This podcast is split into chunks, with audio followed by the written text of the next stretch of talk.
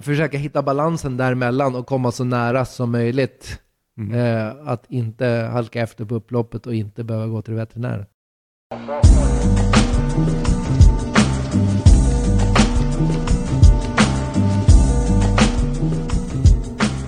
Mm, de svåraste frågorna kan nog ofta lösas med de enklaste av svar och det låter ju ruskigt enkelt när Claes Sjöström berättar om hur man lyckas som travtränare. Men den här balansgången som Claes pratar om är nog snarare att likna vid en väldigt smal lina som kräver en riktig lindansare för att klara av. Och Claes Sjöström har visat prov på ypperligt balanssinne. Inte bara i tävlingshulken som kusk utan också som travtränare. Du lyssnar på Träningsbiten, en podd om travträning där jag, Kasper Hedberg, besöker olika travtränare och hänger med dem en träningsdag i stallet för att sen kunna känna dem på pulsen om just deras träningsupplägg. I detta avsnitt får ni möta Claes Sjöström. Vad är grejen med öar egentligen? Du gillar öar verkar som. Visby och Mariehamn, två banor har verkligen gått bra för dig. Åtta banchampionat på Visby. Sex på Mariehamn. Ja, Mariehamn är ju, det var väl liksom inkörsporten när jag började köra. Det är ju vår närmsta bana, eh, Landvägen. Om man räknar antal mil så har jag närmare till Mariehamn än till Solvalla. Om man skippar alla mil på sjön då? Precis. Eh, så att dels närheten dit och sommartravet där gjorde väl att jag fick köra eh, mina första lopp där egentligen. Eller i varje fall första tävlingsdagarna när jag fick köra fler än ett lopp. De, de var på Ålandstravet. Där drog väl den cirkusen igång och sen så vart det några år där när man var där nästan varje tävlingsdag varje sommar och, och tyckte det var väldigt mysigt. Eh, men sen så drog de väl ner lite grann på tävlingsdagar där och banan har väl inte heller hållit eh, riktigt bra kvalitet där sista åren så att då vart det väl lite med att man gick ifrån det. Så Då var det det, full fokus på Visby istället. ja, och det var väl det. Det är egentligen två helt separata anledningar kan man säga. Så det var väl det om, om Ja, ja. Mariehamnstravet. Men du Ja. sa Visby är en helt annan story. Ja, eh, det började väl 2003 när jag hade jobbat här i lag med min farbror och min pappa. Och jag körde mitt första lopp 96. Eh, började med hästar 95. Så då hade jag ju varit igång några år och kände att jag ville eh, komma hemifrån ett tag. Mm. Så um, då hade vi 12 hästar här, jag och min farbror var det som jobbade med hästarna bara då. Mm. Eh, Så jag tog helt enkelt sonika hälften av hästarna och så bokade jag en eh, stortransport ner till Visby. Eh, hyrde ett stall eh, på tre och en halv månad eh, under säsongen. Då. Säsongen var lite kortare då. Då var den eh, tre och en halv månad säsongen och sen så var det slut. Men var det din idé att göra det här? Ja, det var väl min, mitt sätt att försöka ta mig hemifrån lite grann. Mm. Eh, var lite less på att gå här hemma och trampa med dem. Så jag tog de där sex hästarna och tog alla grejer jag hade och så åkte jag ner dit och så stannade jag där nere i tre och en halv månad.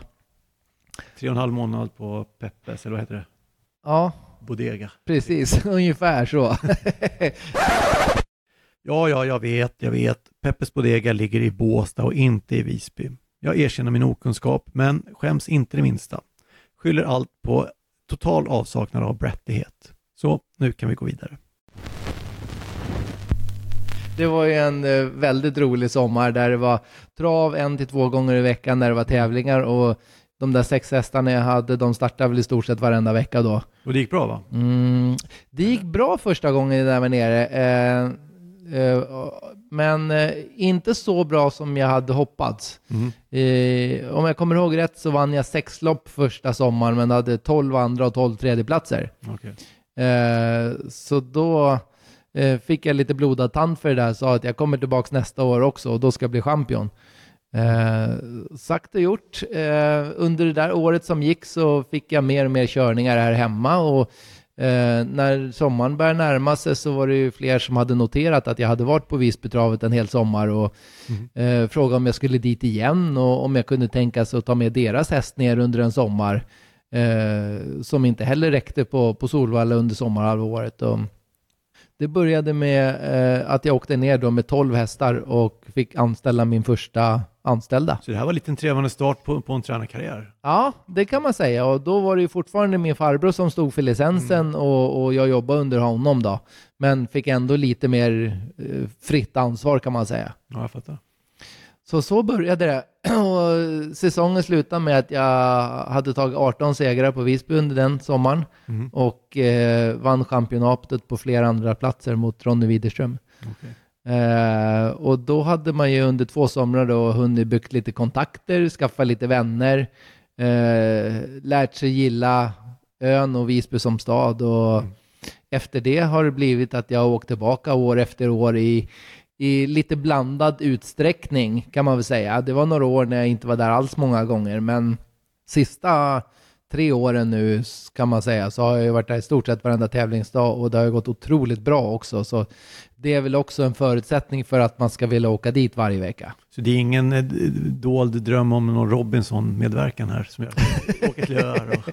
Nej, utan det är, det är jakten på segrar som har, som har varit lockelsen. Men blir det, det blir sommar igen då? Eller? Eh, ja, nu är det så att så här, efter så här många år så har både min mor och min far fattat lite tycke för ön också, mm. så de brukar vara där nere en månad om året på sommaren och ha semester. Och, eh, min pappa är ganska rastlös utav sig, så han brukar vilja ha några hästar där nere under den månaden när de är nere. Och, så, det, så, filialen lever så, kvar? Så att, eh, ja, som... under några veckor i varje fall, där brukar det kunna vara några hästar som får, får vara kvar där nere om de har passande lopp. En annan sak jag stötte på när jag gjorde lite research, monterryttare. Blev det något monterlopp för dig? Nej. Du satte upp det själv 2011 på Åland eh, också nu när vi ändå är kvar där. För att där behövde man ingen monterlicens va? Nej, exakt. Men vad hände? På den tiden så uh, hade jag lite championatshets med Erik Lindegren på Ålandstravet. Okej, och, och räknar man in montersegrarna? Montersegrarna räknades in och... Alla medel eh, tillåtna? Ja, absolut. Och jag har ju förutom när jag gick på förskolan och gick på rid, riddagis så har jag inte suttit på en häst någon gång. Eh, och har alldeles för dålig balans för att överhuvudtaget sitta på en häst. Så att eh, det där var väl egentligen lite skrämselpropaganda. Jag tyckte det var en lite rolig grej också att det var så jämnt i championatstriden och så då använde jag en häst som absolut inte skulle starta och, och, och aldrig var aktuell för det. Men eh, vi fick i varje fall en rolig vecka när han kände pressen att han Okej, så det var kanske också för att skulle... Lindegren här? Jajamän.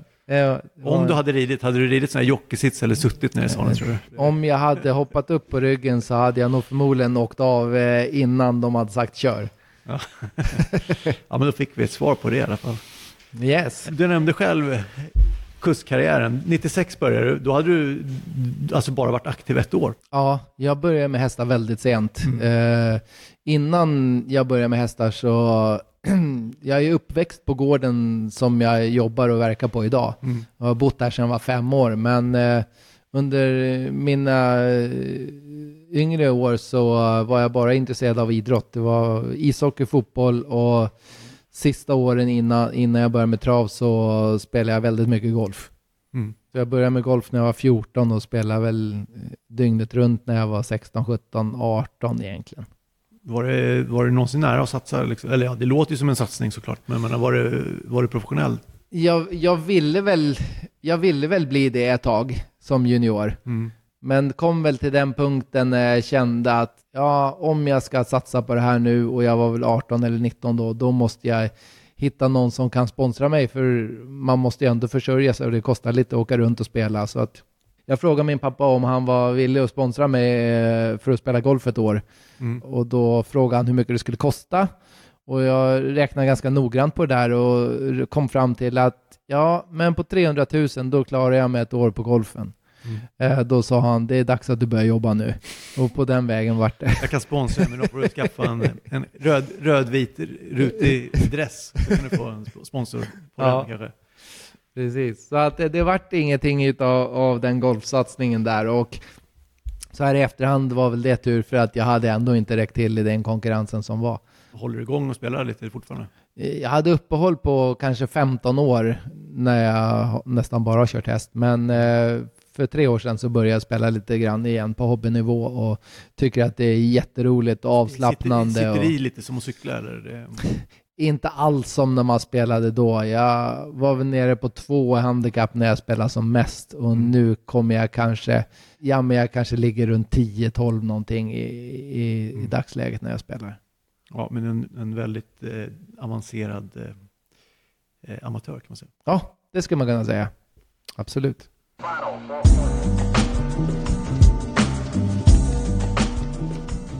Efter de nästan obligatoriska åren av tvivel och testen av andra sporter så gick det sen snabbt för Claes när han blev travfrälst och satsade fullt ut på sina fyrbenta kompisar. Eh, Men du var 18 år när du körde första lopp 96. 23 år tog det och sen blev du medlem i Tusenklubben. Mhm. Ja, det var häftigt faktiskt. Eh, verkligen. Eh, det Det var bara inget- nu i höstas ja. Ja, det var ingenting som man har tänkt på så jättemycket under tiden. Men eh, när man väl kom till den punkten att det började närma sig, då, då kändes det ganska stort. Ja, jag fattar det. Och eh, lärlingskarriären gick ju bra sen efter du tog ditt första lopp. Så när du till exempel körde Guldklockan 2005 så gjorde du med besked, för du vann, ju in, du vann alla tre lopp i finalen. Ja, eh, det var också en sån där dag som, som jag fortfarande kan komma ihåg och som jag kan känna efteråt att, att det var en liten vändpunkt, eller vad man ska säga, i kustkarriären. Just att, ja, dels hade jag varit med några år och, och fått lite rutin och sen så när man då fick köra de här tre loppen så var man lottad på en A-häst, en B-häst och en C-häst. Och jag lyckades vinna med alla tre utav dem. Enda Eh, gången det har hänt va? Ja, efter det tyckte de att det blev så tråkigt när någon hade vunnit de två första avdelningarna så att det redan var klart. Så då ändrade de reglerna och gjorde lite försök och final eller vad man ska säga. Men eh, den kvällen kommer jag ihåg, då hade jag fått över 100 sms eh, när jag hade bytt om och, och var klar. Ja, men häftigt. Och det var, det var väl något som jag fick väldigt mycket uppmärksamhet för och som jag hade med mig fram i karriären sen. Att jag fick ett litet lyft där och den dagen. Precis, jag förstår det. För sen det gick ju bra och det sista året du var lärling, det var 2008. Då vann du ju lärlingschampionatet eh, och du på 58 segrar. Tvåa var ju bara liksom som kuriosa Johan Untersteiner på 55 segrar. Och så 2009 blev du egen tränare. Och det är ju egentligen det vi ska prata mest om här. Alltså. Men du, du får ju, innan vi går över till tränarverksamheten, du får ändå mycket uppmärksamhet som kusk. Jag tror att de flesta tänker nog mer på dig som kusk än tränare, även om du har en stor och framgångsrik tränarrörelse. Och nu på sistone till exempel så ser man dig allt mer köra andras hästar. Du kör ju mycket åt Timo Nurmos också nu till exempel. Men tittar man på statistiken under de senaste fyra åren så ser man att ändå kör du färre och färre lopp. Är det ett aktivt beslut? Eller? Eh, det vart väl lite när jag gick upp ifrån kanske 30 hästar och kom upp mot 50-60 hästar. Då fick jag ta ett beslut att jag inte kunde åka köra lika mycket som jag hade gjort som lärling. Och ett tag så körde jag också väldigt mycket i Norrland och körde både Boden, Skellefteå och Umeå. Eh, och då vart det ju väldigt mycket lopp när jag tävlade både där uppe och här nere. Men, men som sagt, då, när träningsverksamheten växte och vart eh, nästan dubbelt så stor, så då vart det inte riktigt utrymme för det och, och man orkade inte lika mycket. Nu har det väl nästan svängt lite grann, om man säger bara sista året här, att kanske ha lite, lite färre hästar igen och kör lite, lite mer igen. Så att det har gått lite grann i vågor det där och det kommer det nog göra lite fram och tillbaka också. Jag har lite svårt att bestämma mig. Jag skulle säkert kunna klättra några placeringar på, på den listan jag valde att satsa fullt ut på, men jag tycker det är jätteroligt att träna och, och tycker vardagen är jättetrevlig. Men sen så tycker jag det är extremt roligt att tävla också. Jag skulle nog inte kunna ha ett jobb som inte var tävlingsinriktat.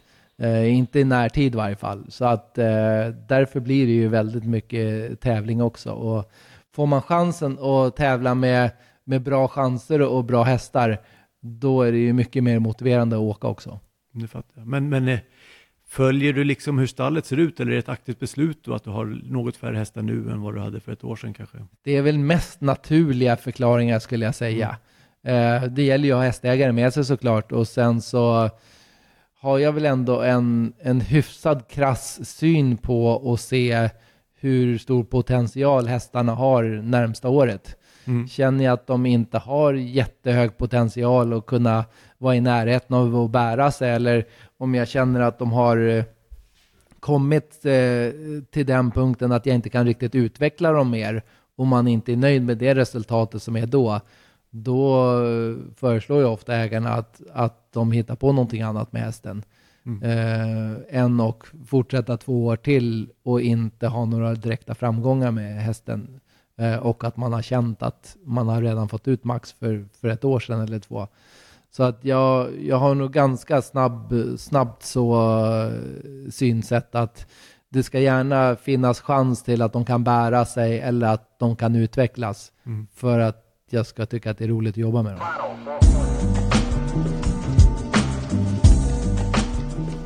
Ja, vi ska inte gräva ner oss för djupt i siffror, men ett litet dopp i statistikpoolen för att rama in Klas Sjöström, det hinner vi med.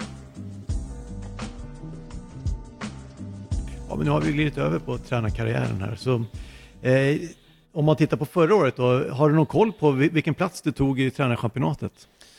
Inte jättenoga, men jag kollar ju ganska mycket på siffror sådär, så att jag skulle tippa att jag ligger ganska nära runt 20 plats, både ja, som nära. tränare och kusk. Uh, jag har faktiskt, nu har jag bara fokuserat på tränarrörelsen, så det, då är det plats 21, ja. sett till antal segrar. Uh, eh, 63 lopp vann hästarna förra året, 2020 då och nästan 5 miljoner blev det. Segerprocenten 16,9, den är, står ju så bra i konkurrensen. Ja, eh, och det är väl lite det som jag kan hålla en hyfsat hög segerprocent när jag också bedömer att om hästarna är för begränsade eller inte utvecklas, att mm. jag då kan byta hästar och haft förmånen att få in nya unghästar som har kunnat tagit vid istället för att och fått fortsätta med samma år efter år och som sagt jag gillar gärna när siffrorna ser bra ut oavsett vilken klass man är i om man säger, men att siffrorna ändå ska, ska hänga med.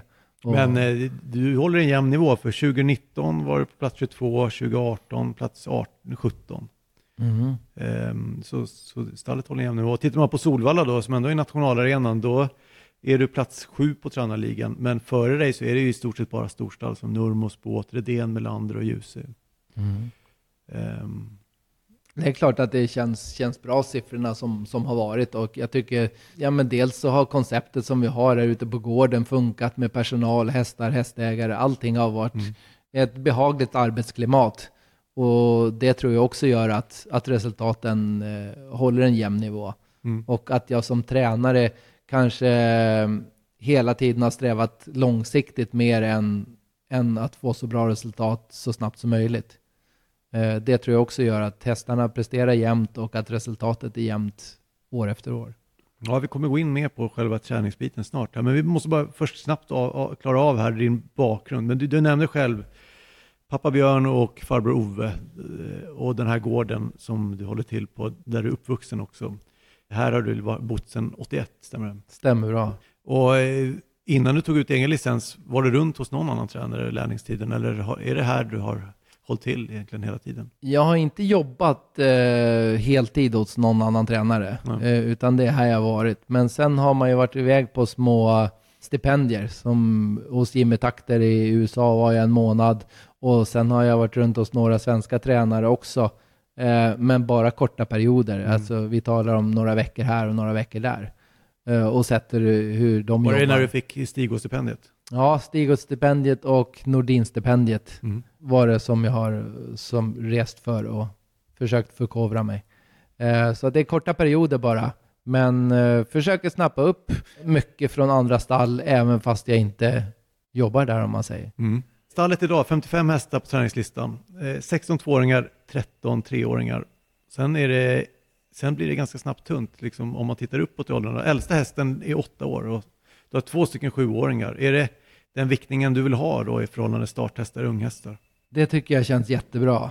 Som sagt, då, två åttaåringar, två sjuåringar. Ja, en sjuåring. En sjuåring, ja. Uh, och sen så halva stallet med två treåringar. Ja. Det, det är precis så som jag, som jag skulle vilja ha det. Och det, det har fungerat jättebra. Jag skulle uh, kunna tänka mig till och med några fler unghästar. Nu har jag legat på 15 ungefär sista mm. två, två åren här och jag skulle kunna tänka mig att gå upp på till och med 20 unghästar. Och det skulle fungera bra arbetsmässigt också. Mm. Eh, jag tycker ändå att treårings, eh, treåringssäsongen är den allra roligaste säsongen att komma igång med hästarna och se hur de utvecklas och få starta igång dem och försöka lära dem att tävla och bygga upp dem för att de ska klara en tävlingskarriär. Men sen efter att de har tagit sig igenom treåringskarriären så är det ju väldigt många hästar som tjänar mer pengar än vad de egentligen klarar att bära senare i karriären. Mm. Och de som inte utvecklas då under vintern som tre och fyraåring, ja, men då tycker jag att då får man bara vara väldigt nöjd och glad med den säsongen de har gjort och, och så får man försöka sträva efter att satsa på de här som utvecklas och som har det där lilla extra. Mm. Eh, och sen så kanske eh, fokusera sig på nästa kull igen. Och då har man ju oftast ett par, tre, fyra, fem kanske som kan gå vidare ett eller två eller tre år till. Och så, så det är din inrådan då? Det här du sa att du är ärlig mot ägarna och berättar om du tror att man ska satsa vidare eller inte? Ja, men väldigt krass så. Speciellt om, om, även om de har gått bra och kanske tjänat 200 000 som treåring så kanske man ändå känner att ja, det här var bra, men nu blir det tuffare. Mm.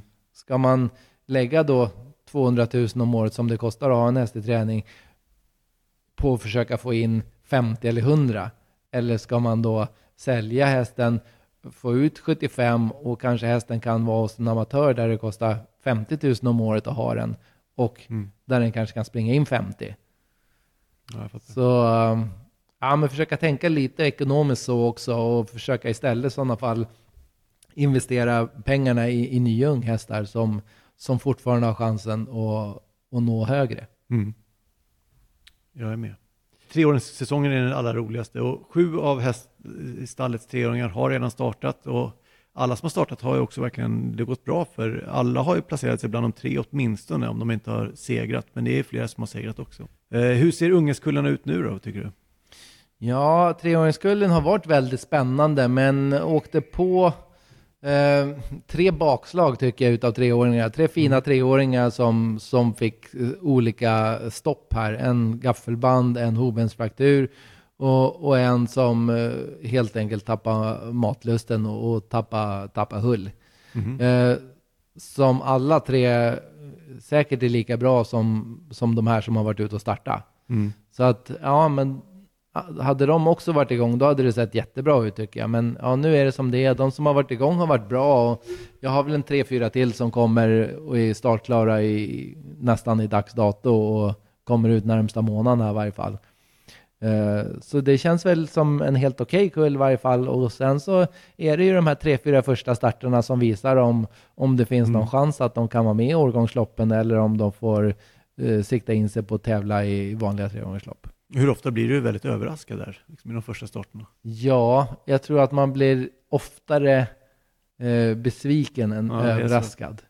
Det tror jag. Men oftast om det är något som är bra, då har man ju känt det i träningen, så då kanske det inte blir så överraskande att det är bra, utan då är det mer en lättnad att den motsvarar förväntningarna.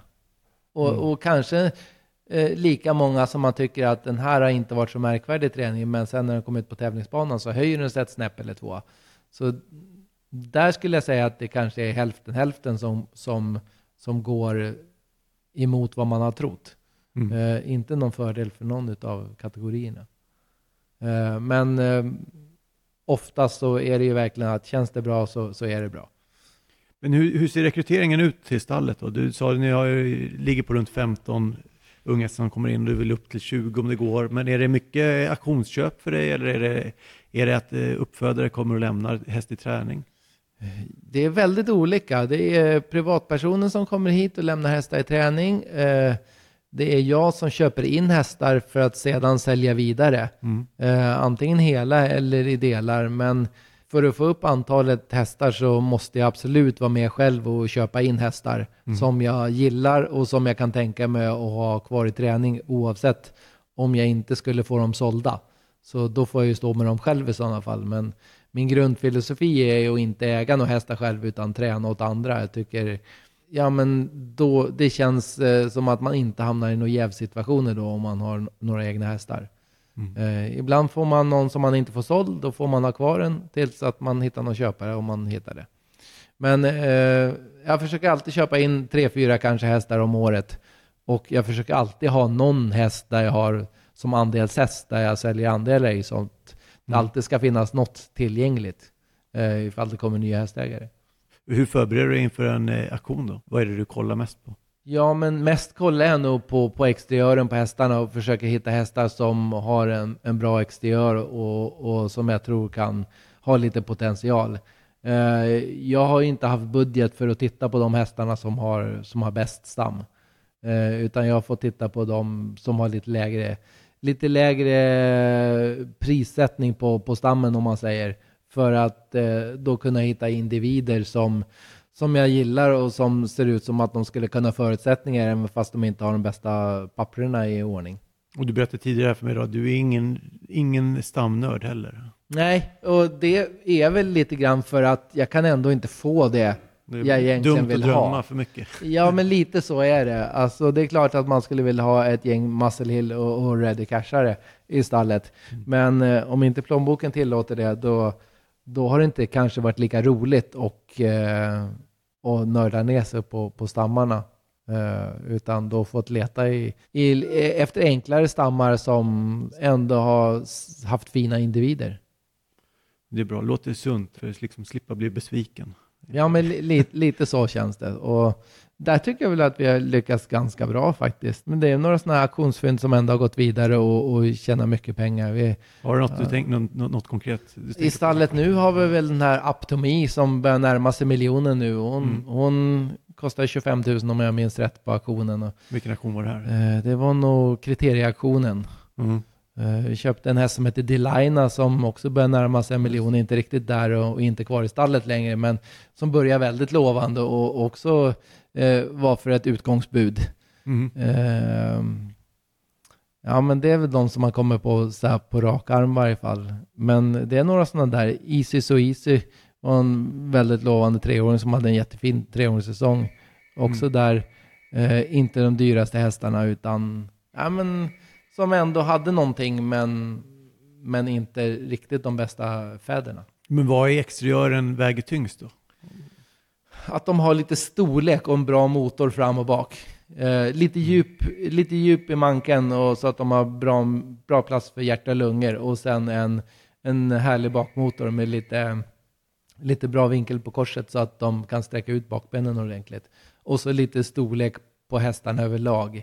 Det är väl min absoluta uppfattning att små hästar, de är oftast jättefina upp till tjäna första hundratusen. Mm. Men sen så, så tar det som lite stopp för många utav dem. Eh, Medan har du en större häst så kan de ha lite mer svårigheter och ändå kan ånga på lite och tjäna lite mer pengar eh, framöver eh, när de kommer upp i lite klasserna. Men det gäller även unga hästar då? Jag tänker där är ju kanske de små hästarna har en fördel att de är lite tidiga och så. Ja, upp till första hundratusen skulle jag Ja. säga. Och att de Sen kanske är lite tidiga. Och sen så, sen så tycker jag ändå att det är en fördel för lite, lite större hästar.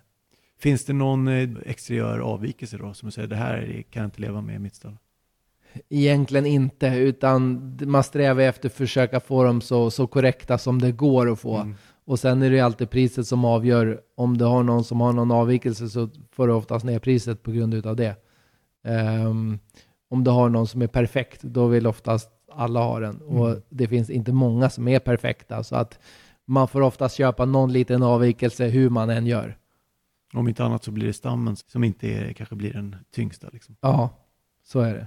Men jag lyssnade på en intervju här med dig i Solvalla podcast från i höstas. Och där, där fick du frågan vilken är den bästa häst du tränat? Då svarade du Isle Stand, men står du fast vid det idag?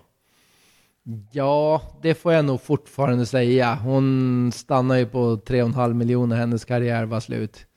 Men jag Eh. tänker, du har ju en här i stallet som har kommit tillbaka nu väldigt lovande och känns som att han kommer väl absolut kunna eh, springa in de pengarna om han får Ja, det skulle jag inte bli förvånad om han gör. Eh, Jaguar Dream. ja. Och han är ju jättefin såklart. Och det är väl klart att det inte är mycket som skiljer mellan de två. Så att han, han börjar närma sig där och det är klart att jag hoppas att han kan gå förbi innan det är klart. Men eh, när kände du att han var alldeles extra? Vi, han tränade för övrigt idag. Mm.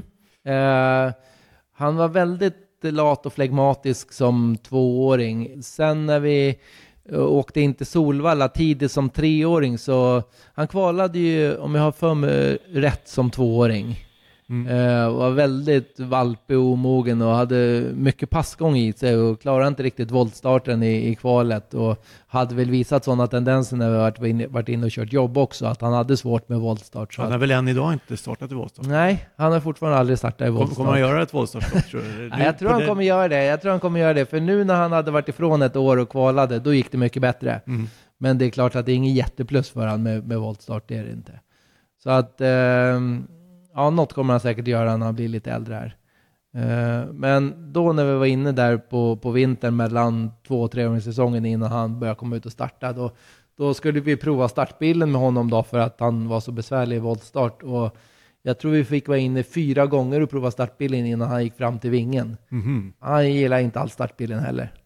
Men sen så gick det ju bättre och bättre för varje gång och, och något av de där jobben när vi var inne och provade startbilen, då, då kändes han sådär riktigt fin och då, då kände man att när den här kommer komma ut och debutera, då kommer han göra ett riktigt bra lopp direkt. Okej, så det var nästan från strulpelle till kanon på Ja. en dag liksom. Verkligen. Alltså han, hade, han tränade bra hela tiden, men hade ju svårt med, med de här grejerna runt Mm. omkring, startmoment och Nu såg jag här att du har en vagn med, med galler bakom eh, kuskbocken så att säga. Är Mm. det just för att kunna träna lite, simulera startbilsövningar eller är det för, för hetsiga hästar snarare? Ja, snarare så faktiskt. Vi köpte den faktiskt för att eh, vi har en häst här idag nu som heter Edu West. Mm. Som eh, har varit besvärlig hela karriären och varit eh, svårhanterlig skulle man kunna säga. Mhm. Och ehm, eh, Het, eller? Het och, och liksom inte riktigt reglerbar sådär och, och svårstyrd. Så att, då- fick jag en idé när jag såg den här vagnen att det där kommer nog passa. Så efter det har vi faktiskt bara tränat honom bakom den där vagnen och, och han blir bara lugnare och lugnare ju, ju oftare vi tränar nu. Mhm. Så att nu börjar han faktiskt bli som en vanlig häst hemma och köra från att ha varit nästan lite obehagligt till och med att köra. Mhm. Så att eh, den köptes för det och sen så har jag ju provat den på några andra hästar som jag tycker inte slappnar av riktigt och inte kan ta ryggen ordentligt utan ska springa upp för mycket i den framför. Så att Mm. då har den funkat bra som komplement men det bästa är väl om någon kan klara sig utan den.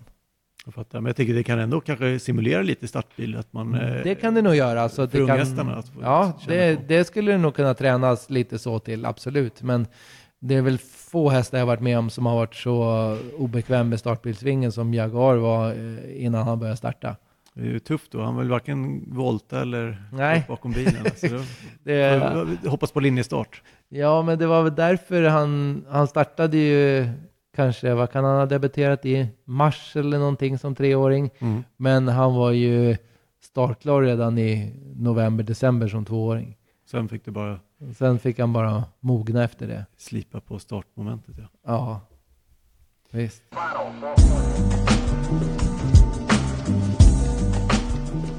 I en stenhård konkurrens i tränarkåren har Claes en tanke om vad som krävs för att skilja sig ur mängden. Internet har hjälpt till med möjligheten att finna fakta och de allt bättre utbildningarna spelar en viktig roll, anser han. I samma podcast här, Solvalla podcast, så, så, så pratar du också och pekar på att det är just kompetensutvecklingen för de aktiva som fört sporten framåt på senare år. Du nämnde att utvecklingen de senaste 20 åren på just kunskapen kring träningsfysiologi har varit enorm. Och här spetsar jag öronen, för det är ju precis det här jag vill höra mer om. Så kan du utveckla mer? Alltså, Ja, men det, det är väl eh, det jag tänker på främst är ju alltså att alla som, som nu vill bli travtränare, de har ju ganska mycket kurser de ska gå. mm. Eh, för mig då var det en, eh, en tio veckors kurs på Vången som hette aspirantkursen Mm. och senare en eh, fyra veckors kurs som var tränarkursen. Och de här kurserna de är ju väldigt mycket teoretiska och man får lära sig väldigt mycket alltså grejer som man kanske inte tänker på som inte egentligen har just med själva köra hästbiten att göra Mm. utan allting runt omkring.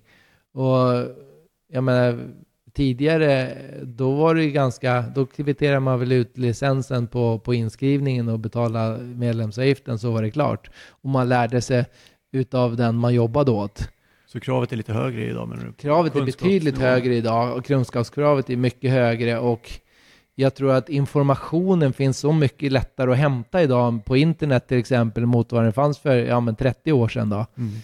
Så de som är intresserade, det finns ju otroligt mycket litteratur att läsa och ta till sig och fundera på och bilda sig en egen uppfattning. Men det finns ju mycket mer material att hämta idag än vad det fanns längre tillbaka i tiden. Men var fördjupar du dig då? När du vill bättra på kunskap?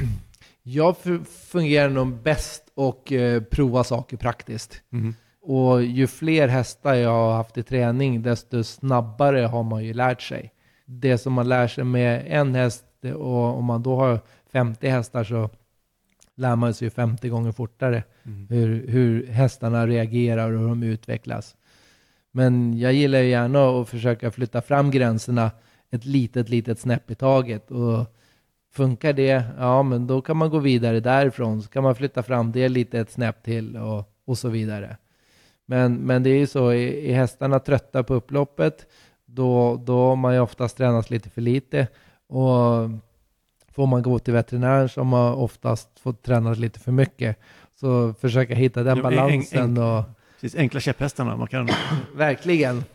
Försöka hitta balansen däremellan och komma så nära som möjligt. Mm. Eh, att inte halka efter på upploppet och inte behöva gå till veterinären. Men vem, finns det någon du bollar med när du stöter på problem eller är det bara, du tränar, tränar lite mer eller tränar lite mindre? Eller?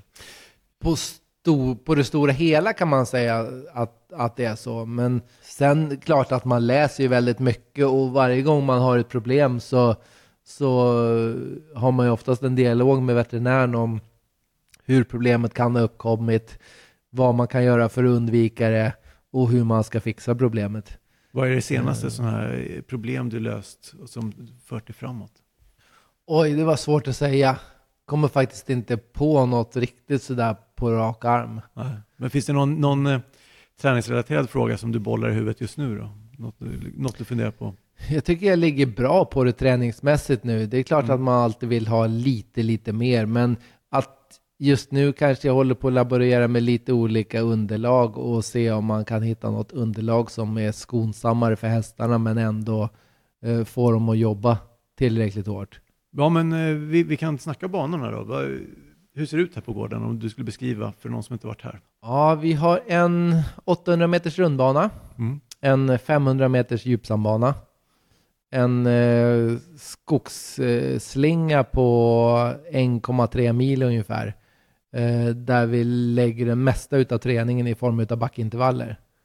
Eh, och där har vi lite olika underlag. Ett lite fastare och ett lite eh, tyngre. Mm.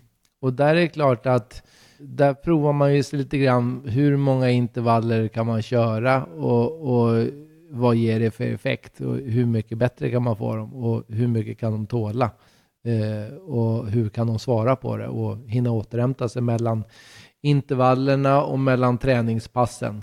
Mm. Så ja, det är väl något som har pågått ända sedan jag började, att man försöker mixtra och få in så många intervaller som möjligt, så ofta som möjligt, men ändå att de ska hinna återhämta sig. Och i början tror jag att jag tränade nog lite för mycket mot hur jag tränar nu. Mm. Det känns som att jag litar lite mer på att träningen hjälper eh, än att jag lägger på någon intervall extra som man kan gjorde, kanske gjorde i början när jag var väldigt ambitiös. Så att man har nog backat tillbaka lite för man känner att återhämtningen är minst lika viktig som, som träningen.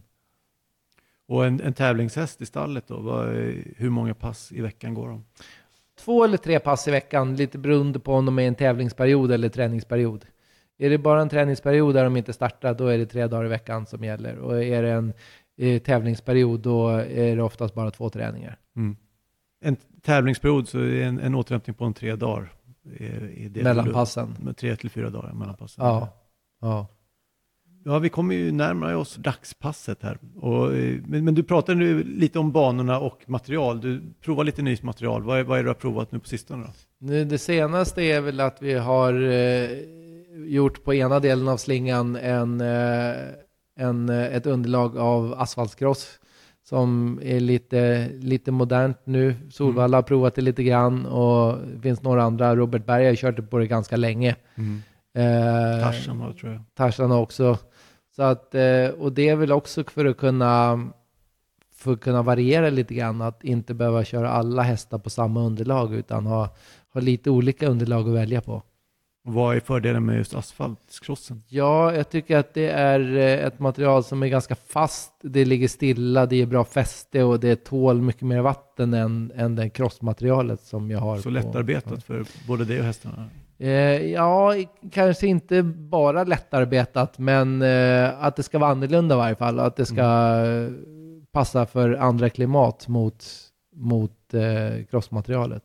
På den här skogsslingan som du pratade om så är det, den delar upp sig i två olika eh, tungor kan man säga. På den ena har du lagt det här asfaltskrossen och på den andra, andra delen av slingan, vad har du för material där? Då är det vanlig bergskross, 08 eh, material Mm. som ligger. Och det är väl ett, nästan det vanligaste gruset som ligger på, på travbanorna.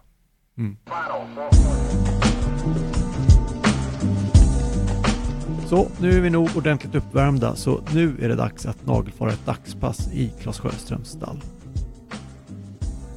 Men vi kan ta oss igenom ett träningspass då. Eh, vi kan ju fortsatt hålla oss till en tävlingshäst då. Mm. Uppvärmningen, hur tänker du kring den? Ja, vi eh, börjar alltid med att skritta några minuter eh, utifrån stallet. Mm. Ungefär en 500 meter. Vi har, vi har en punkt vi har en punkt som vi alltid skrittar till och alltid skrittar tillbaka. Så att de alltid ska gå ut från stallet i skritt och alltid komma in i stallet i skritt.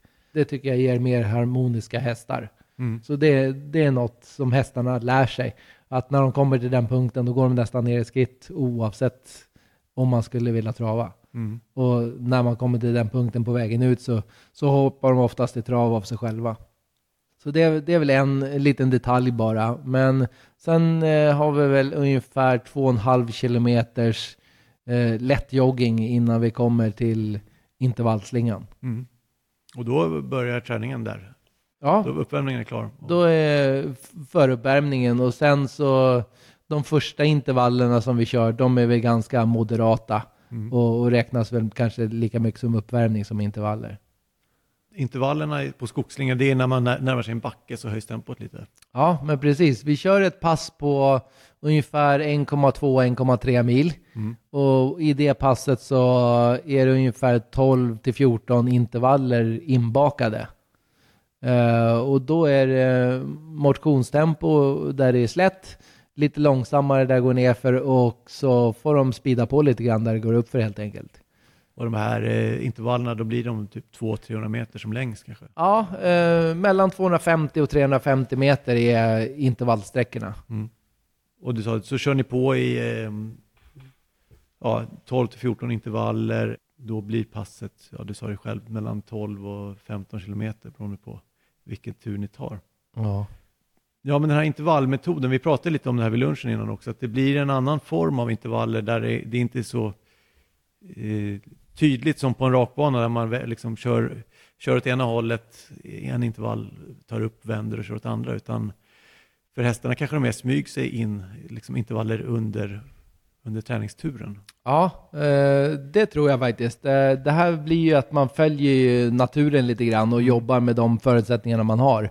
Och det är också något som man har fått moderera och laborera med lite från det att jag började. Man, man har det man har att träna på och sen så har man försökt att effektivisera det så, så mycket som möjligt. Och det känns som att vi kommer ganska bra på det och jag har ju kört med pulsmätare en del och ser ungefär hur, hur mycket man kommer upp i puls och hur mycket de går ner i. Så att jag tror vi ligger väldigt bra där. Och eh, eftersom vi inte kör på klocka utan efter hur hästarna känns så tycker jag i varje fall att det är ganska lätt att känna om man kommer upp i 100% puls eller om man ligger på 80-90. Mm. Och hästarna lär sig väldigt snabbt själva och vart de ska starta intervallerna och vart de ska sluta intervallerna. Mm, ja, det, det märkte jag absolut. Det var på steget ofta. Ja, och det viktigaste tycker jag kanske inte är hur fort man kör utan att man känner att hästen jobbar bra. Att den jobbar rakt, att den drar fint och att den ligger fint i handen. Eh, Det tycker jag är viktigare i intervallerna än att det ska vara ett specifikt tempo. Precis, och du sa att du, du har kört med pulsklocka ibland, det är ingenting du har till vardags? Nej, inte på varje tur, utan eh, de standardturerna som vi har, de ser ju ungefär likadana ut. Mm. Eh, så nu för tiden tycker jag vi hamnar väldigt rätt utan klocka. Men vi tar ju alltid pulsen på dem när vi kommer in efter, efter 12 minuter efter avslutad tur. Mm. Och då tycker jag man får ett, då får vi ett eh, lite signum på om de är friska eller om det är något som är onormalt. Om du jämför den pulsen mot efter ett lopp, eh, om man skulle ta puls 12 minuter efter ett lopp, hur, hur, eh, vilken nivå hamnar träningsintensiteten på? Eh, 80 procent ungefär, 85 procent skulle jag säga, Mm. gentemot ett lopp. Och när du kör, eh, när, när du väl har haft klockan igång under träningspasset, vad, vad, vad rör sig pulsen upp mot? Det är ju såklart individuellt för häst, häst Ja, till häst. men eh, inte så individuellt ändå faktiskt. Utan eh, vi kommer väl upp kanske i, lite nära maxpuls, möjligtvis i den snabbaste intervallen. Och det brukar vara den sista. Mm. Eh, och då är de uppe upp mot 220 i puls. Annars så ligger de där runt, ja, men runt 200 i puls i, i, i intervallerna. Som toppuls. Men ja, någon, någon traditionell rakbana har du inte här? Nej, det har vi inte. Är Vi har, haft, saknar, vi har haft en rakbana i form av en, ja, inte helt spikrak, men en intervallraka i varje fall där vi har kört. Men jag tyckte inte jag fick sån effekt utav rakbanan som jag har fått utav backintervallerna, så det har vi faktiskt gått ifrån mer och mer. Mm. Eh, Och jag saknar inte rakbana, utan backintervaller och rundbana, det, det tycker jag funkar jättebra. Och så komplettera lite med sandbanan nu under sommar och höst, halvåret. Sandbanan vet jag inte, den, är den invänd, innanför eh, rundbanan? Innanför rundbana ja. Så att, eh, ja men den är väl mer som komplement än som, som eh, ren träning. Utan backintervallerna är som grundkonceptet. Mhm. Och eh, om du ska sälja in ditt träningskoncept, vad är, vad är fördelarna med, med ditt sätt att träna häst på här? Ja, jag tycker att hästarna som jag har i stallet får ganska långa formkurvor. Mm. Eh, och så sen vi började köra de här backintervallerna, och det har vi gjort några år nu, så tycker jag skadefrekvensen har minskat. Och hästarna, alltså de håller sig lite lugnare och, och ligger inte på speciellt mycket när vi tränar. Och det tror jag också gör att skadefrekvensen minskar, att de blir lite mer harmoniska när de tränar sånt som vi gör nu. Mm. Så att eh, det är väl det. Och sen så får man väl som sagt vara bilda sin egen uppfattning om vilken tränare man vill ha. Men jag tycker man ska ha hästen i träning på ett ställe eh, där man trivs. För det finns så många tränare som är så duktiga eh, och det är inte mycket som skiljer mellan dem. Men då ska man ha dem på ett ställe där man tycker att det är roligt att ha dem. Mm. Men grunden i det här träningskonceptet då, har den, hur länge har den sett ut så här? Ja, vad ska vi säga? Senaste fem åren har det väl inte hänt några stora grejer, men eh, innan det så var det väl inte lika mycket så här specifikt backintervaller som det var nu. Och för 10-15 år sedan, då var, det, då var det nästan bara rundbana och, och rakbana som gällde. Mm. Så att, eh, ja men på, på tio år har det ändrats ganska mycket, på fem inte så mycket. Du gick stött och blötte vad du ville liksom förändra och kom fram till? Det börjar väl egentligen med att ehm, jag har en eh, vän som heter Henrik Södervall som tyckte att mina hästar gick så jäkla bra på vintern. Mm. Och så sa han, vad gör du på vintern som du inte gör på sommaren? Ja, ja vi har ju väldigt bra skogsvägar, sa jag. Jag eh, kör mycket backintervaller, sa jag. Mm. Ja, varför gör du inte det på sommaren då, sa han. Mm. Ja, men då blir vägarna lite hårda, så då funkar det inte riktigt lika bra, sa jag. Ja, men varför gör du inte någonting åt det då, sa han. Och ja, sagt och gjort. Eh, något år senare så hade vi kanske spenderat 100 000 på att få vägarna i ett mycket bättre skick. Och Mm. nu, nu är vägarna i, i fantastiskt bra skick året runt. Så att eh, eh, efter det så har det gått över mer till, till backträning eh, kontinuerligt. Men då eh, finns det något som kallas vinterträning i stallet? Eh, ja, det gör det väl, men det är väl mer att man sänker tempot, eh, kör i lite tyngre vagnar och, och lite fler intervaller, lite långsammare, lite längre. Mm. Men i inte lika tydlig skillnad som det var för 10-15 Men år det går att träna året runt på, i, i dina backar nu. Absolut. Så Och, st- de som startar på vintern kan träna likadant året runt. ja, precis. Och förut hade jag nästan bara möjlighet att göra det på, på vinterhalvåret.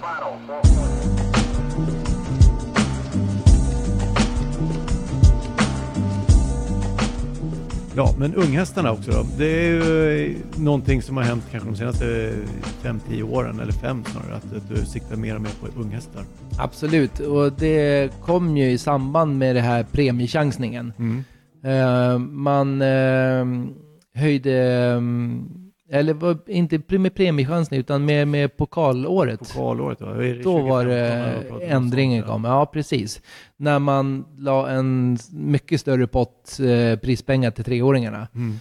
Eh, I samband med det, då kände jag att eh, eh, alltså min pappa och min farbror och när jag började då, vi, vi försökte mycket med äldre hästar. Vi köpte hästar som hade potential men som hade haft något problem och som man köpte på andrahandsmarknaden kan man säga. Och Mm. försökte göra så gott vi kunde med och försöka åka runt och starta med. Men jag kände väl att jag ville utveckla det där och ville lite mer än bara det och tyckte att de hästarna man fick var det alltid något, alltid någon som inte var nöjd med och det var därför man kunde få dem. Mm. När den här eh, satsningen på treåringarna kom så då försökte jag rekommendera mina hästar e, eller hästägare att istället för att köpa någon starthäst som man trodde man kunde göra lite bättre så satsa på en ung häst och, och ta det här första ett och ett halvt året träningsbiten för att sedan kanske ha chans på någonting bättre. Mm. Och då var man med på noterna då?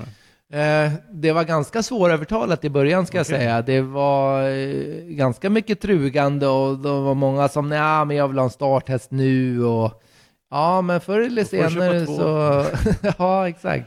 Förr eller senare så gick det väl åt det hållet lite mer. Och, och sen gick det ganska bra med de hästarna i början. Jaguar Dream var väl eh, en av de tidigare liksom i, i det projektet. Mm. Och sen efter det har det snurrat på mycket lättare och unghästarna har blivit fler och fler. Och jag Har, har också- unghästkonceptet i och med det förändrats då? Ja, men det har det nog gjort lite under gången. Jag tycker att eh, hästarna är mer redo när de startar nu och startklara lite tidigare än vad de var tidigare. Mm. Och i samband med det kan man väl också säga att jag gick ifrån att ha unghästarna som andra prioritering och träna dem när starthästarna var färdigtränade till att ta in eh, alltså egna skötare åt unghästarna när jag fick så många. Så då kunde jag ha egna skötare till dem och de fick lika mycket prioritering som starthästarna. Så nu kanske det till och med så att unghästarna har mer prioritering än starthästarna. Att Mm. deras träning går i första hand och Du starthästarna vill vara i med andra. på den? Och, Ja, och att de verkligen ska få alla pass som de, som de har rätt till eh, innan de kommer ut på, på banan. ja, vi, vi körde ju ett eh, tvååringspass här idag, men vi kan ta det från början då. Du vill helst köra in unghästarna när då? Ja, får jag välja så tar jag helst in dem eh, i augusti. Mm. Eh, och de hästarna som jag Var- vet då? att jag ska få in, ja för att det är eh, det börjar bli slut på betet då. Mm. Det är mindre näring i betet så att betessäsongen är väl nästan över då.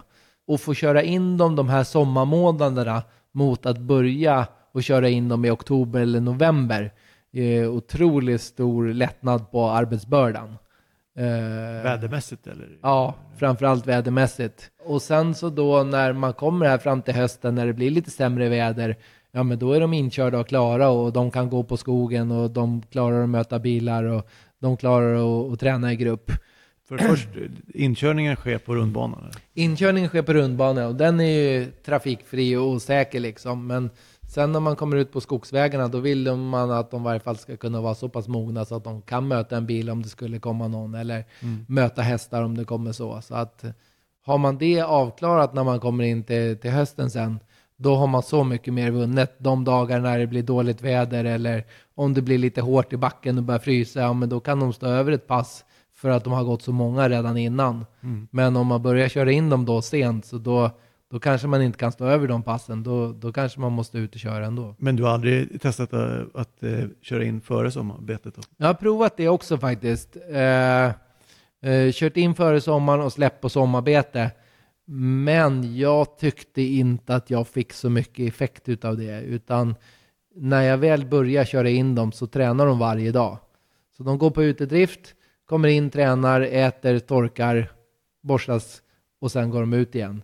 Mm. Så att, eh, och när man väl börjar köra då, då vill jag att de ska gå varje dag. Så att unghästarna går fem dagar i veckan, måndag till fredag, fram till jul. Mm. Och där får de ett litet break. Då får de två veckor där de har det lite lugnare över jul och nyår. Är det mm. traditionsenliga vaccinationstiden? Ja, det är också för att man ska kunna få personalen att vara lite ledig några dagar också. Mm. Framförallt skulle jag säga. Vaccinationen tycker jag oftast inte ställer till med några större träningsbreak. Utan Nej. det kan oftast, vaccinerar man på fredagen så kan man träna på måndagen. Så det tycker jag väl, det är väl något gammalt som lever kvar mest. Jag Men, tror till och med att man har gjort eh, små forskningsprojekt på det här. Mm. Där visar sig att det, det går inte att se något rent man kan inte mäta några resultat i alla fall som Nej. talar att det skulle påverka. Nej, det tror inte jag heller. Utan det är väl mer för att personalen och, och för att eh, man ska klara de röda dagarna på, på ett mycket bättre sätt. Att det ska bli trevligare för de som jobbar. Så vi håller liv i myten ett tag till då? Så Absolut. Man får ju, måste ge dem en vecka minst. Och, ja, men efter, efter nyår där då? ja, då går vi ner på fyra dagar i veckan och så um, går de ut och går uh, lite längre pass istället. Mm. Och så får de göra så i januari, februari. Och när vi kommer in i mars här och banorna börjar bli bra, då börjar vi med snabbjobben då. Så då går de ner på tre dagar i veckan från ungefär mitten på mars. Varav ett, ett, ett av de passen är ett snabbjobb på banan? Då? Ja, då går de rundbana en dag i veckan och så går de eh, backintervaller då, två dagar i veckan. Så då har vi valt onsdagarna som unghästdag då, så då kör vi fort med alla unghästarna på onsdagar. Mm. Och då går de tre, fyra, fem, sex stycken i, i grupp. Så kör vi tre, fyra eller fem sådana grupper eh, på, på en förmiddag. Eh, och eh, det är väldigt lärorikt för dem att kunna träna tillsammans. Ja, eh, så, Vad är målet där då? Målet är att, eh, det första målet är, det är att, vi, att de ska kunna komma, ta sig ner till 1.30 ungefär i början på maj och att vi ska kunna åka in till Solvalla i mitten på maj och visa dem tävlingsbanan första gången och mm. få dem att utvecklas lite grann eh, psykiskt, lära sig att åka transport, se tävlingsarenan utan att behöva pressas allt för hårt och utvecklas mentalt. Och när de väl har klarat det, de klarar 1.30, de har gjort sitt första banjobb. Hur, hur är vägen utstakad efter det? Ja, då har de ju sänkt ganska mycket. Då har de ju sänkt då från mitten på mars när de kanske går två minuter eller en 50 ner till de snabbaste kanske går på en 25 på Solvalla när vi tränar. De kanske mellan 25 och 30 de går på Solvalla då första gången vi tränar där. Mm. Och eh, då har de ju gått ungefär ett banjobb i veckan då fram tills dess. Och då då släpper vi lite grann på banjobben, börjar köra lite i sandbanan och lite på skogen. Så då går de oftast varannan sandbana och varannan skog och så går de på rundbana var fjortonde dag därifrån. Men det är fortsatt tre, tre, tre dagar i veckan? Alltså. Ja, tre dagar i veckan tränar de sen. Och det eh, håller i sig hela tvååringssäsongen? Ja, det gör det. Och eh, förra året så kvalade jag 14 av 15 tvååringar. Mm. Det är också, det, du vill gärna kvala dem? Ja, jag tycker att det är, en bra, det är en bra måttstock för mig för att se hur långt de har kommit. Eh, det är en bra upplevelse för hästen och jag får se lite hur de uppträder när det blir allvar. Och eh, då kan jag också se om det är någon av dem som är färdiga för att starta redan som tvååring. Förra året hade jag en som startade som tvååring och gjorde två starter och, och vann båda. Mm. Eller om det är någon som man känner absolut inte kommer kunna starta första halvan av treåringssäsongen. Utan man kanske måste lägga upp träningen på ett annorlunda sätt för att starta den mot hösten. Eller om man helt enkelt tar beslutet att, att den håller inte riktigt måttet och att om man verkligen ska fortsätta satsa med den. Det har faktiskt också hänt efter, Redan vid... efter tvååringssäsongen. Ja. Det är ovanligt men, men det finns de, de fallen också. Men tvååringstävling, det är uppenbarligen något du inte är emot eftersom du startar tvååringar. Jag tycker att det är helt okej okay att starta tvååringarna och har inga problem med det om de är färdiga. Men eh, eh, jag tränar inte hästar för att starta som tvååring, utan om de startar så är det för att de har kommit dit av sig själva. Mm. Och jag tror att om man vill vara med i de största tvååringsloppen, typ uppvändningslöpningen, svampen, då måste man träna dem för att starta. Och då måste man, eh, då, då är det att, nästan att ägaren ska vilja det. Mm. Då har jag inga problem med det. Men generellt sett så tränar jag dem inte för de loppen, utan eh, jag har gärna ut dem i, i februari, mars, april som, som treåringar och, och starta tidiga treåringar istället. Men har det varit någon du kommer på som du siktat på ett annat sätt mot tvåårsstart? Vi har haft ett par stycken som vi har siktat mot och, och försöka vara med i de större tvååringsloppen, men inte haft något eh, jättelyckat resultat utav det. Och därför har det väl blivit mer att man siktar mot tidig treåringsstart. Hur ser då upp, deras upplägg ut annorlunda jämfört med de andra tvååringarna som inte siktas eh, specifikt mot en tvåårsstart? Ja, men det är väl att de går ju lite tuffare, lite fler banjobb, de som siktas mm. för start. De sänker man ner i tider på ett hastigare sätt än man gör med de som kommer ut av sig själva. Mm. Man väntar inte riktigt ut dem, utan då, då, får man, då får man begära att de jobbar lite extra.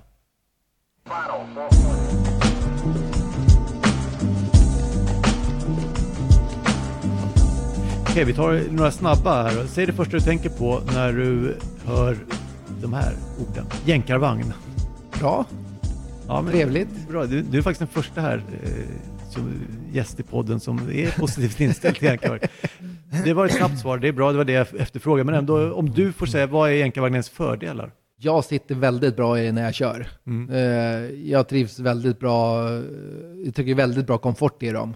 Jag gillar när hästarna kan springa rakt utav sig själva, eh, vilket de måste göra i jänkarvagnen. Mm. Du har inte samma möjlighet att hjälpa hästarna. Och eh, jag tycker de löper väldigt fritt i jänkarvagnen.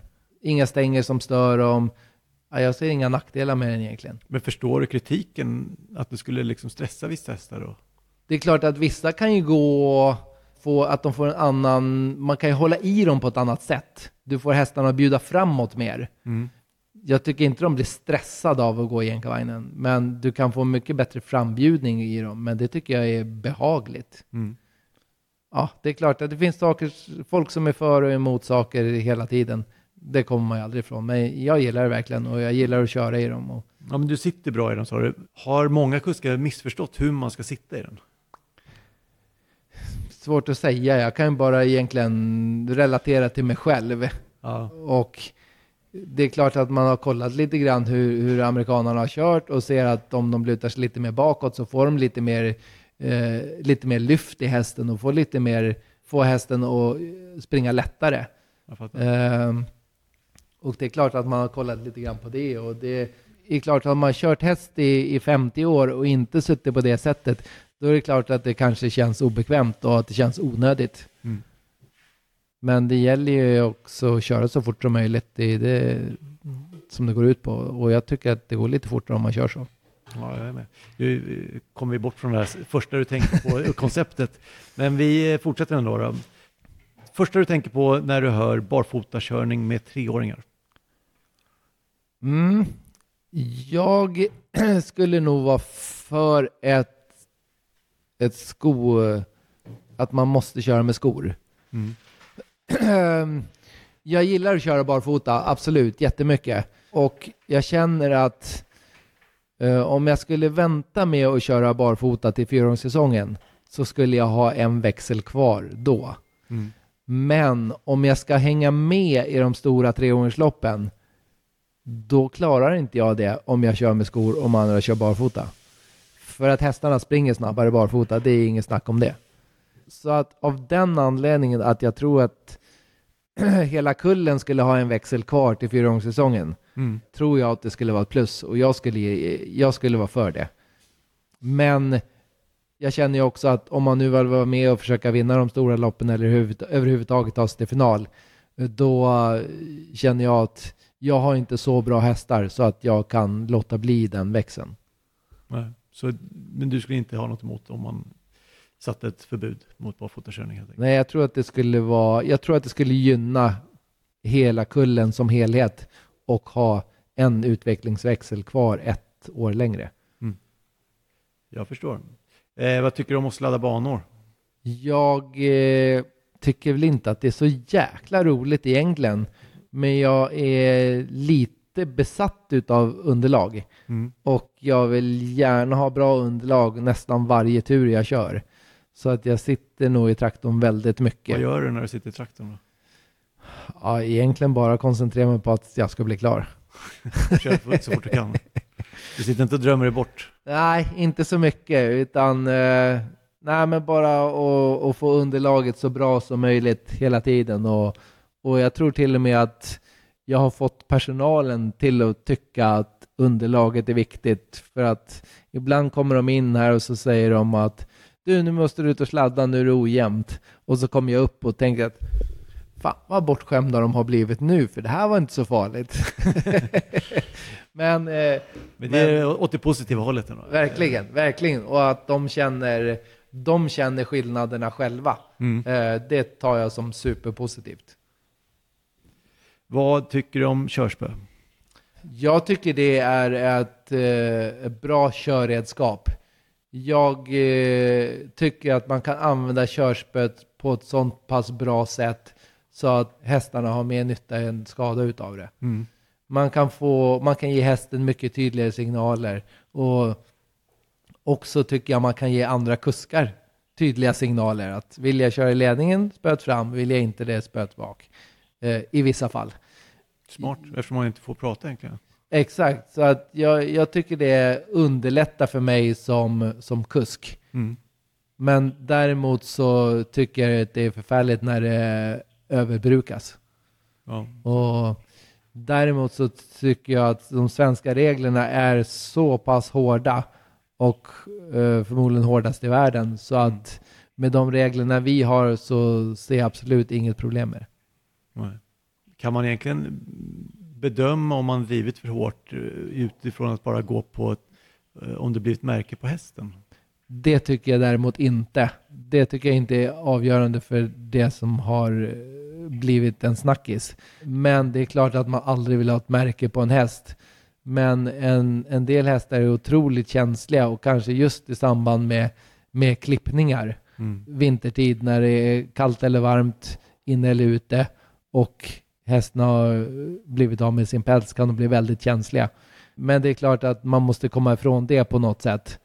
Eh, men jag tror inte att det är synonymt med en full drivning. Nej, det, det, det var ett instick från mig också, men jag tycker också det, man kommer för snett på det där. Ingen vill ju ha hårda drivningar, men jag, jag, jag kanske efterfrågar lite evidens som styrker att, att just ett märke på en häst skulle vara en hård drivning. Det tror jag inte finns. egentligen. Men Jag tror att det är, det är en väldigt knivig fråga vi kommer ha framöver och, och den diskuteras ju flitigt. Utformningen på körspöna kanske måste ändras. Mm. de har varit för smala eller för, för sviktiga. Eller kanske att de måste vara i något annat material. För man vill ju verkligen inte ha några märken på hästarna. Men samtidigt tror jag att det kan bli ett märke även utav något som inte är en hårdrivning. Ja, det tror jag också. Men jag håller med, man vill absolut inte ha märken på hästarna. Sista frågan nu. Vem i travets värld skulle du vilja höra prata mer om travträning? Vem är värd? Ja du. De som, de som man kommer att tänka på direkt sådär, det är väl de man ändå har, har hört några gånger. Ja, Jag kommer faktiskt inte på någon så här på rak arm. Det skulle kanske vara Jorma Kontio mm. På en, eh, på en översatt svenska. prata travträning med Jorma. Ja.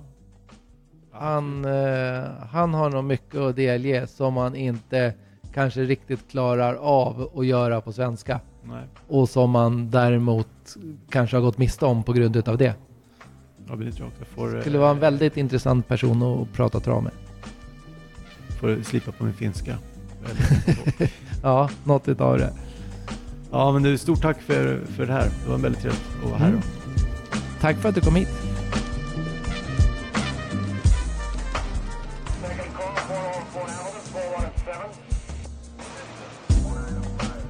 Du har lyssnat på podden Träningsbiten.